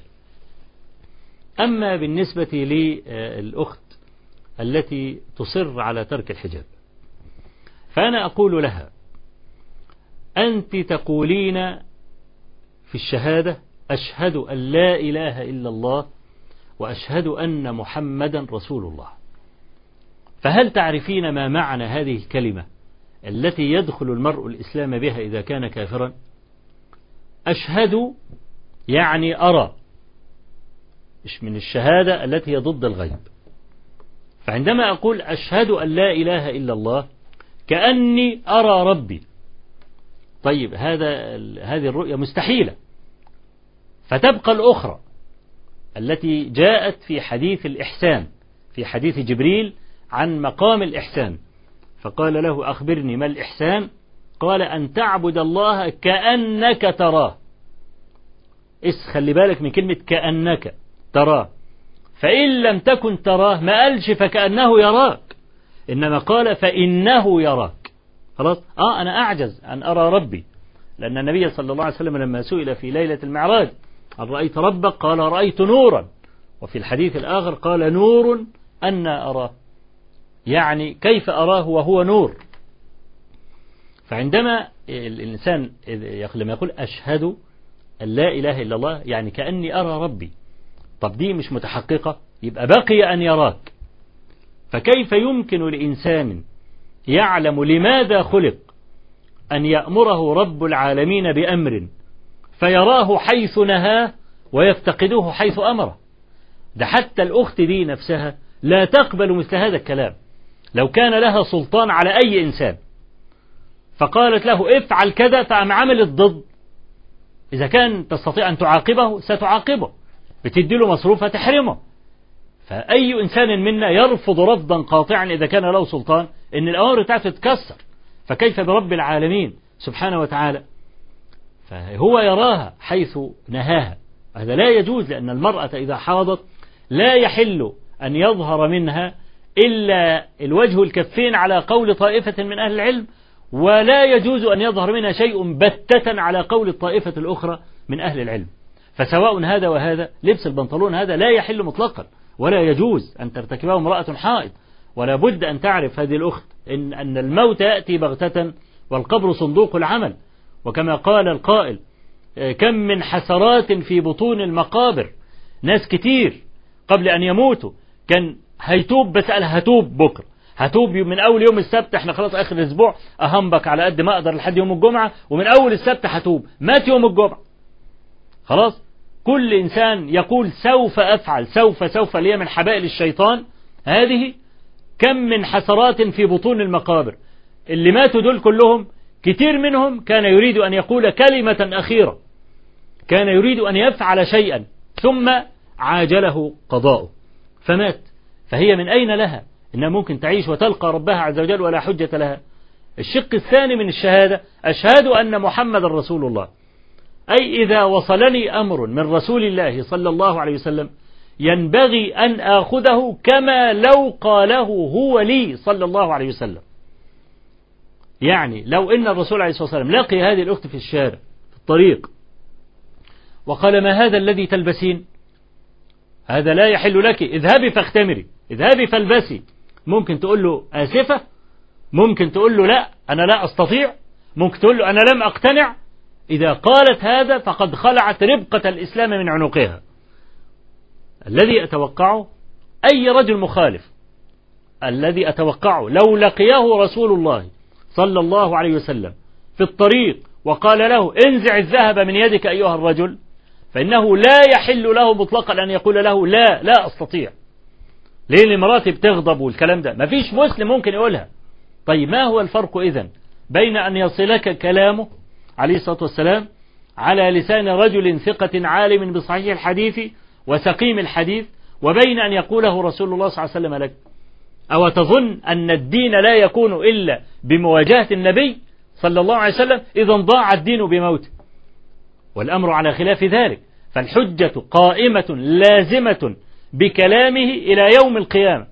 يبلغها يبلغ كلامه أهل العلم إلى المسلمين وواجب على المسلمين ألا يخالفوا رسول الله صلى الله عليه وسلم في دقيق ولا جليل لأن الله عز وجل يقول فليحذر الذين يخالفون عن أمره أن تصيبهم فتنة أو يصيبهم عذاب أليم. ونسأل الله عز وجل أن يهديها. نعم. نعم. نعم. تفضل. السلام عليكم. وعليكم السلام ورحمة الله. كل عام وأنتم بخير. بارك الله فيكم. لو سمحت فضيلة الشيخ أنا عايز أعرف إيه الفرق بين القرآن والأحاديث القدسية؟ طبعا الاثنين من عند الله سبحانه وتعالى بس إيه في فرق بينهم. أنا بحسه. آه، دي حاجة. الحاجة التانية صلاة يوم ال- الجمعة صلاة الجمعة يعني في البيت بالنسبة للست بتبقى أربع ركعات زي الظهر ولا بتبقى لأ؟ وفي حاجة تانية معلش فضيلة الشيخ في آه، حديث أنا شفته على قناة من القنوات ال- المخصصة للحديث بس آه، س- السيدات زمان كانوا أيام سيدنا محمد عليه الصلاة والسلام كانوا بي بيتوضأوا مع الرجال. فعايزة صحة هذا الحديث وجزاك الله خيرا. نعم. آه، بالنسبة لتوضؤ الرجال مع النساء مش الرجال مع النساء يعني أنا أتوضأ مع امرأة غيري لا. مش مقصود الحديث كده. لكن يتوضأ الرجل مع امرأته أو مع أمه أو مع أخته. لأن في كلام عند الفقهاء في مسألة الاختلاء المرأة بالماء اختلاء المرأة بالماء. إذا اختلت المرأة بالماء والمرأة توضأت ووضعت يديها فيها ليجوز الرجل أن يت- أن يتوضأ منه الكلام ده؟ ده إيه؟ لأن في حديث نهى النبي صلى الله عليه وسلم عن فضل وضوء المرأة والكلام ده. فهو حديث ابن عمر في الصحيحين. كان الرجال والنساء يتوضؤون جميعا على عهد النبي صلى الله عليه وسلم. فقال ففي هذا الحديث لا بأس أن تضع المرأة يدها في الإناء وتتوضأ ويضع الرجل يده في نفس الإناء ويتوضأ وفي حديث عائشة رضي الله عنها في الصحيحين أيضا قالت كنت أغتسل أنا ورسول الله صلى الله عليه وسلم من إناء واحد تختلف فيه أيدينا فأقول له دعلي دعلي ده مقصود الحديث. مش المقصود ما يتبادر إلى الأذهان أن الرجال الأجانب يتوضأوا مع النساء الأجنبيات. لا طبعا هذا ال ال ال ال ليس هو مقصود الحديث. الحاجة الثانية مسألة آه، صلاة المرأة صلاة المرأة آه، في بيتها. طبعا المرأة إذا صلت في بيتها لا تصلي الجمعة لأن الجمعة لا تكون إلا في المسجد. إنما إذا صلت في بيتها إنما تصلي صلاة الظهر وتصلي أربع ركعات. وإذا ذهبت المرأة إلى المسجد لسماع الخطبة وتعذر عليها أن تصلي الجمعة بسبب الزحام بسبب إن ابنها شغلها مش عارفة تصلي الكلام ده هو ترجع إلى بيتها فتصلي الظهر. لأن الجمعة كما قلت لا تكون إلا مع الإمام وتكون ركعتين. وبهذه المناسبة أقول بعض الناس يتصور أن آه، ال- الخطبة تقوم مقام ركعتين والجمعة ركعتين. فمن فاته الخطبة فيصليها ظهرا. هذا كلام خطأ.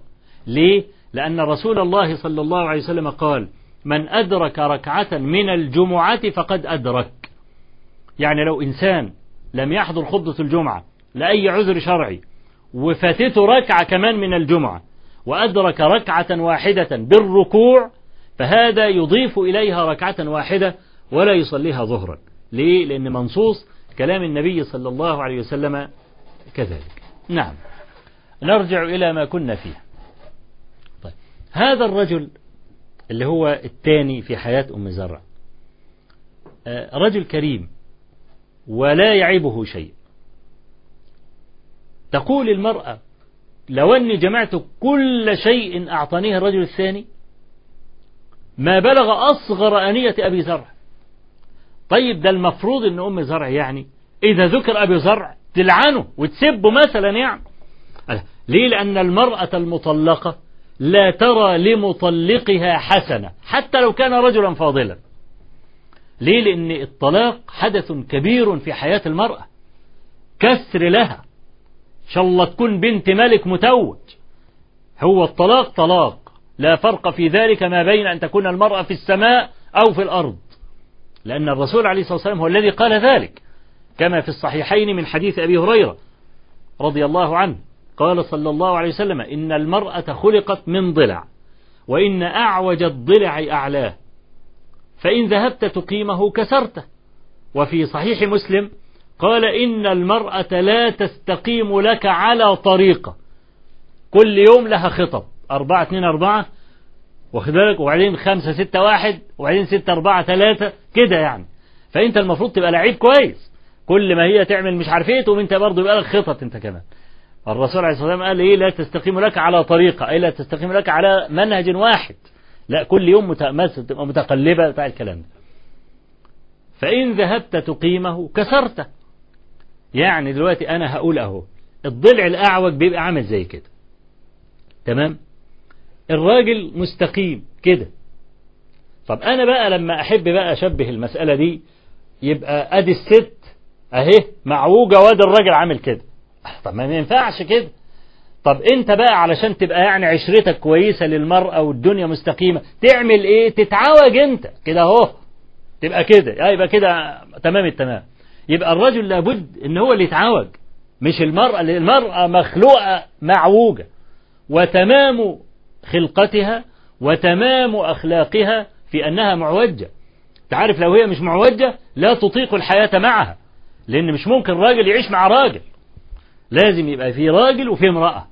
تمام؟ المرأة لها أخلاق. هكذا خلقها الله عز وجل. فالرسول عليه الصلاة والسلام بيقول إيه؟ خلقت من ضلع وإن أعوج الضلع أعلاه فإن ذهبت تقيمه عشان تعدله وتخليه كده مستقيم زيك أنت بالظبط كسرته. ما هو ما هو ما هو عظم. هتعمله كده مش هيجي معاك. ما فيش فيه ليونة ولا طراوة ولا الكلام ده.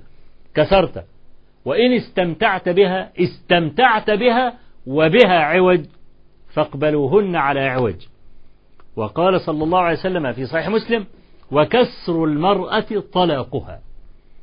يبقى المرأة لما بتطلق بتتكسر سواء كانت فوق أو تحت. خلاص؟ وأنا لا أنسى يعني من المشاكل التي يعني لقيتها في حياتي من الناس يعني امرأة كانت مدير عام. مدير عام كان تحت تحت تحت امرتها 400 شنب. يعني 400 راجل ترفد فيهم وتدي حوافز وتخصم منهم وتديهم جزاءات ها؟ امرأة يعني امرأة ميدان يعني. وبعدين طلقها زوجها وهي كمان سعت في الطلاق. زوجها كان راجل موظف وهي مدير عام في مصلحة تانية يعني. فكبرانة في دماغها أقول إنها مدير عام وإزاي زوجها فعايزة تعامل زوجها كأنه موظف عندها. تتعاقبه وتديله جزا ها؟ أه زي الراجل بقى برضه اللي اتخانق مع مراته والكلام ده وراجل ضعيف غلبان على قد حاله دخل منها تحت السرير. فماسكة المقشه وبتقول له اطلع قال لها أنا مش طالع وهشوف كلمة مين اللي هتمشي. طبعا كلمته هتمشي لأنه مش هيطلع من تحت السرير ابدا. ها؟ فهي المرأة بقى فاكرة إن بقى زوجها ده موظف من ضمن الموظفين فعمالة تتعجرف عليه المهم الراجل طلعها فهي ظنت بقى بمناسبة إنها مدير عام والكلام ده إن الخطاب هيقف على الباب والحاجات دي. هي تقول إنها ظلت خمس سنوات لا يتقدم إليها أحد لدرجة أنها كانت تتمنى إن العامل اللي بيجيب لها القهوة الصبح والشاي والمية إنه يتقدم لها فتزوجها. الحرب أول ما بتبتدي تبدأ فتية ثم يكون آخر أمرها شمطاء مكروهة الشم والتقبيل. فاحنا عايزين نقول طلاق المرأة حاجة كبيرة. فدي أم زرع. زل طلقها أبو زرع. بلا موجب. رأى امرأة معها ولدين لا كالفهدين يلعبان من تحت خسارة بالرمتان يطلقها؟ طب تطلقها ليه؟ طب قررت لك المفروض إنك أنت تمسكها وتتجوز التاني أنت حر. لكن طلقها فتحامق. ارتكب غلطة كبيرة في حق المرأة. فكان المفترض إن المرأة لا تحمل للرجل جميلا. لا. برغم أنها تزوجت رجلا كريما بتقول اللي عند الراجل ده كله ما يجيش قد تحط في حلة كده صغيرة عند أبي زرع. فهذه امرأة أصيلة نبيلة وفية ولا يحفظ الفضل لأهل الفضل إلا ذو الفضل. طيب الرجل الثاني ده إيه مشكلته؟ مشكلة الرجل الثاني إنه ما بيتكلمش. أصابه الخرس الزوجي. اللي هو أصاب كثيرا من البيوت. طبعا بأحد أسباب الخرس الزوجي المهمة الست. معلش النساء بيتصوروا إن أنا يعني باجي عليهم في الكلام وإن أنا مغلطهم مش مغلط الرجال. لا. ده أنا يعني اللي اللي من لا يعرفني أمن يعرفني يعرف إن أنا من أكثر الناس تبنيا لقضايا المرأة ومن أكثر الناس إكراما لها ووقوفا بجانبها. بس ما ينفعش إن إحنا مش داخلين نجامل بعض. إحنا داخلين نقرر شرعا. عندنا تجربة وعندنا دواء شرعي. فأنا لما أقول المرأة مخطئة لأن المرأة كما قلت قبل ذلك في بعض الحلقات هي قاعدة البيت. البيت المستقر الفضل الأكبر فيه للمرأة والبيت غير المستقر الشؤم أكثر من المرأة أيضا. فالمرأة ما عندهاش منادمة. ممكن تدخل مع زوجها في حوار غشيم يعملوا مشكلة في الآخر. فالرجل طبعا لأنه مش عايز مشاكل وطول النهار بره وشغال وعارف إن مراته أول ما تبتدي تحكي حكاية هندخل في مشكلة. آه يسمع منها آه آه آه تمام مظبوط آه، بتاع الكلام ده. يا راجل قول كلمة قول له يعني هات وخد في الكلام. هو هياخد الكلام مش هينام ليلته. خلاص فمش راضي يتكلم. فأغلب الخرس الزوجي أحد أسبابه المرأة. أحد الأسباب المهمة المرأة. أبو زرع ده كان راجل بتاع بق كويس بيقول كلام حلو. واخد بالك؟ يعني شوف وبجحني فبجحت إلي نفسي. وما حاولش يذكرها في يوم من الأيام بالمستوى بتاعها والمستوى اللي هو فيه. يعني لم يشعرها مطلقا في يوم من الأيام إنه جايبها من حرى سد وسكنها تأفخم الإيه؟ الأحياء الراقية. ما شعرت المرأة منه هذا. وكان رجل عنده عاطفة وعنده دفء فكان يكلمها. والمرأة على فكرة آه، غلبانة. كلمة بسيطة جدا تريحها. يعني لو نقلت جبلا من مكان إلى مكان وانت قلت لها جزاك الله خيرا ارتاحت. يعني أنت بتدخل عليها مثلا تلاقيها واقفة في المطبخ. طول النهار واقفة والولد بيعيط وشايلة الولد وبتخرط البصل وبتعمل اللي مش عارف إيه والكلام ده. أول ما تدخل تقول لها جزاك الله خيرا. والله إحنا تعبينك ربنا يأجرك خيرا. وأنا مش عارف أنا من غيرك كنت أعمل إيه. هو أنت يا أخي دفعت فلوس في القصة دي؟ ما تنطق يا بني آدم. قول أي حاجة.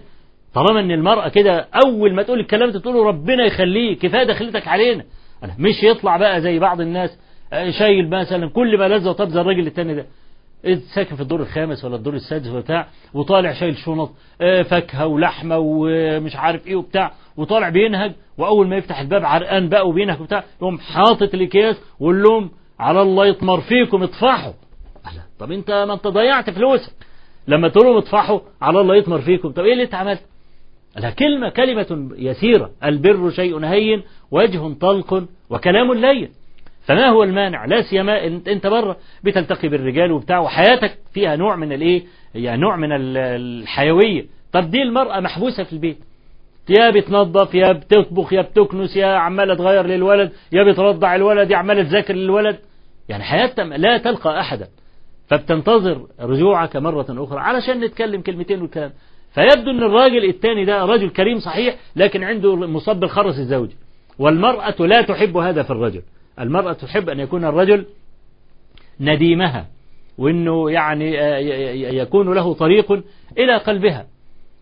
فإذا ده, ده هذا هو الفرق بين الرجلين.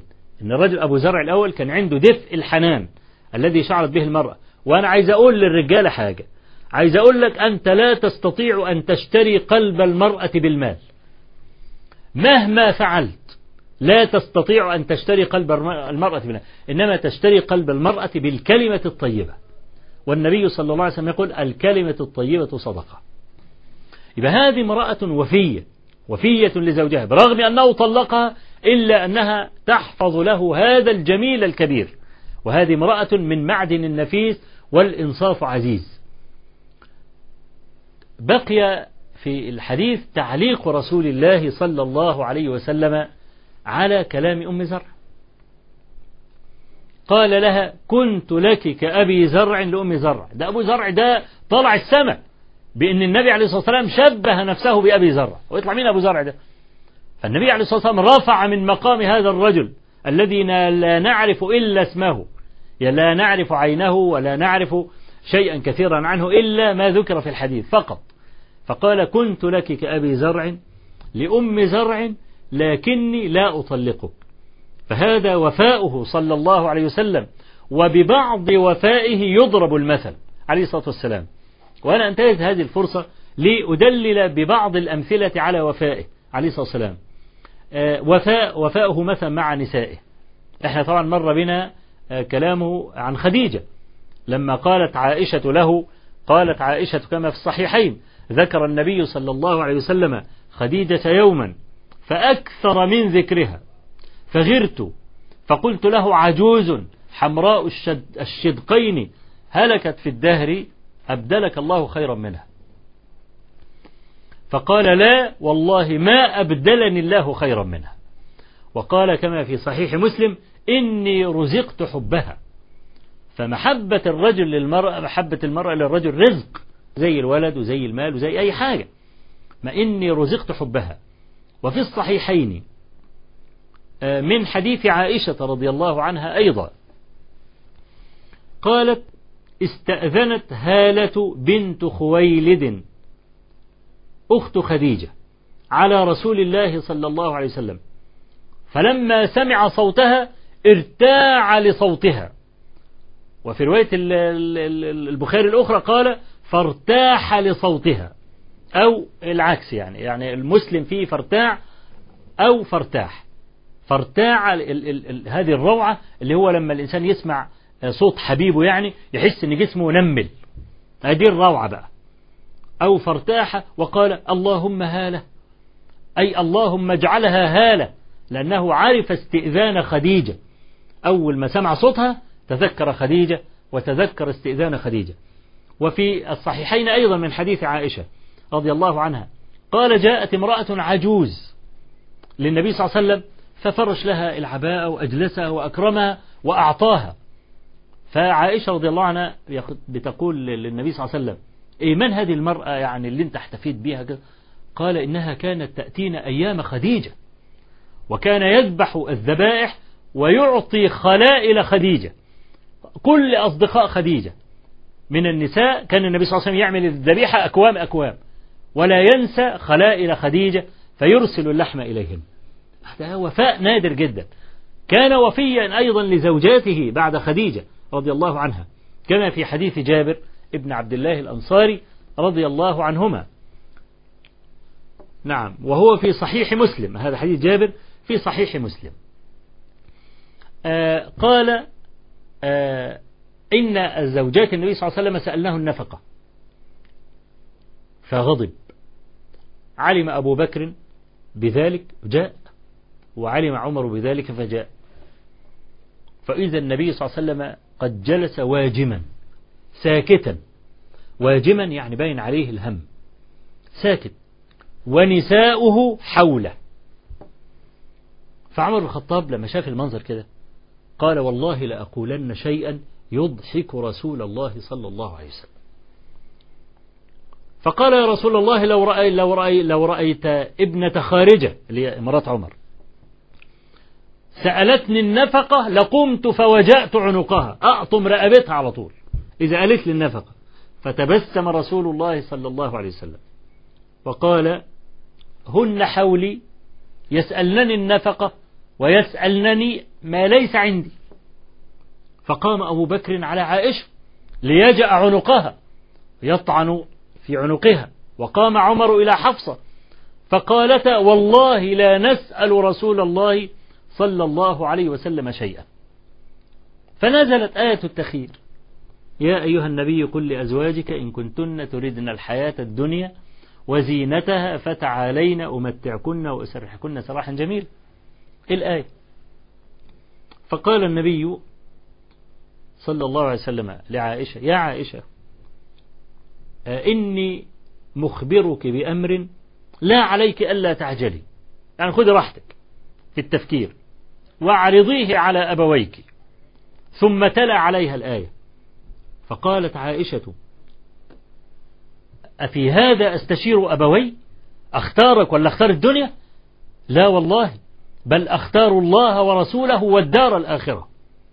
ثم قالت للنبي صلى الله عليه وسلم لا تخبر أحدا من نسائك بما قلت. ليه؟ لأن ممكن لو النبي صلى الله عليه وسلم دخل على واحدة من النساء وقال لها اذهبي فاستشيري أبويك في كذا وكذا. ممكن تعتبر إن ده أمر من النبي صلى الله عليه وسلم فما تخلفوش. فتروح فعلا لأبيها وتستشيره أقعد مع النبي ولا أطلب الحياة الدنيا واتطلق فطبعا لا شك كلام عائشة في القمة. أنا في هذا أستشير أبوي؟ كلام نهائي. مش عايزة تفكير. اختار الله ورسوله والدار الآخرة. فكأن عائشة رضي الله عنها أرادت أن يكون لها منزلة في هذا. فطلبت من النبي صلى الله عليه وسلم ألا يخبر نساءه بما قالت عائشة. فقال لها رسول الله صلى الله عليه وسلم إن الله لم يبعثني معنتا ولا متعنتا إنما بعثني معلما. ولو سألنني ما قلت لأخبرتهن. هذا نوع من الرعاية للمرأة. عائشة رضي الله عنها تريد ذلك. لكن النبي صلى الله عليه وسلم لا يرى من البر ولا يرى من الوفاء ألا يقول لنسائه إذا سألناه ماذا قالت عائشة؟ إنه يكتم. لا. هذا هذا من جملة الوفاء أن أن أن يسعى الرجل إلى زين امرأته. كلما أرادت المرأة شيئا حسنا ألزمها به. أو أمرها به أو حضرها عليه. فوفاؤه صلى الله عليه وسلم مع نسائه كثير كثير جدا والمجال متسع. يعني ممكن في أي مرة أخرى نذكر حلقة كاملة أو حلقات عن وفائه صلى الله عليه وسلم. طيب طيب. آه طيب نتلقى اتصالا. الحلقة أوشكت على النفاذ وإن شاء الله في المرة القادمة إن أحيانا الله عز وجل والتقينا بكم مرة أخرى سأذكر حلقة كاملة عن وفائه صلى الله عليه وسلم كتتمة لهذا المعنى نعم. السلام عليكم. وعليكم السلام ورحمة الله وبركاته. أنا كان ليا سؤال. نعم. آه لو يجوز لأب إن هو يميز أحد أبنائه في حال حياته يعني مثلا آه، يعني يميزه عن بقية إخواته؟ لو إن الشخص دوت آه، شغال معاه مثلا في أرضه ساب وظيفته دون عن إخواته التانيين. هل يجوز ليه في حال حياته إن هو يميزه عن إخواته؟ نعم. ثبت عن رسول الله صلى الله عليه وسلم وهو في الصحيحين من حديث النعمان بن بشير رضي الله عنهما أن بشيرا والد النعمان أراد أن يخص النعمان رضي الله عنه بعطية. فقالت له امرأته لا والله حتى تشهد رسول الله صلى الله عليه وسلم عليها. فجاء بشير بالنعمان وقال يا رسول الله إني أردت أن أنحل ابني نحلا أنحل النعمان نحلا. فقال صلى الله عليه وسلم أشهد على هذا غيري فإني لا أشهد على جور. نعم أقول قولي هذا وأستغفر الله العظيم لي ولكم وصلى الله وسلم وبارك على نبينا محمد والحمد لله رب العالمين.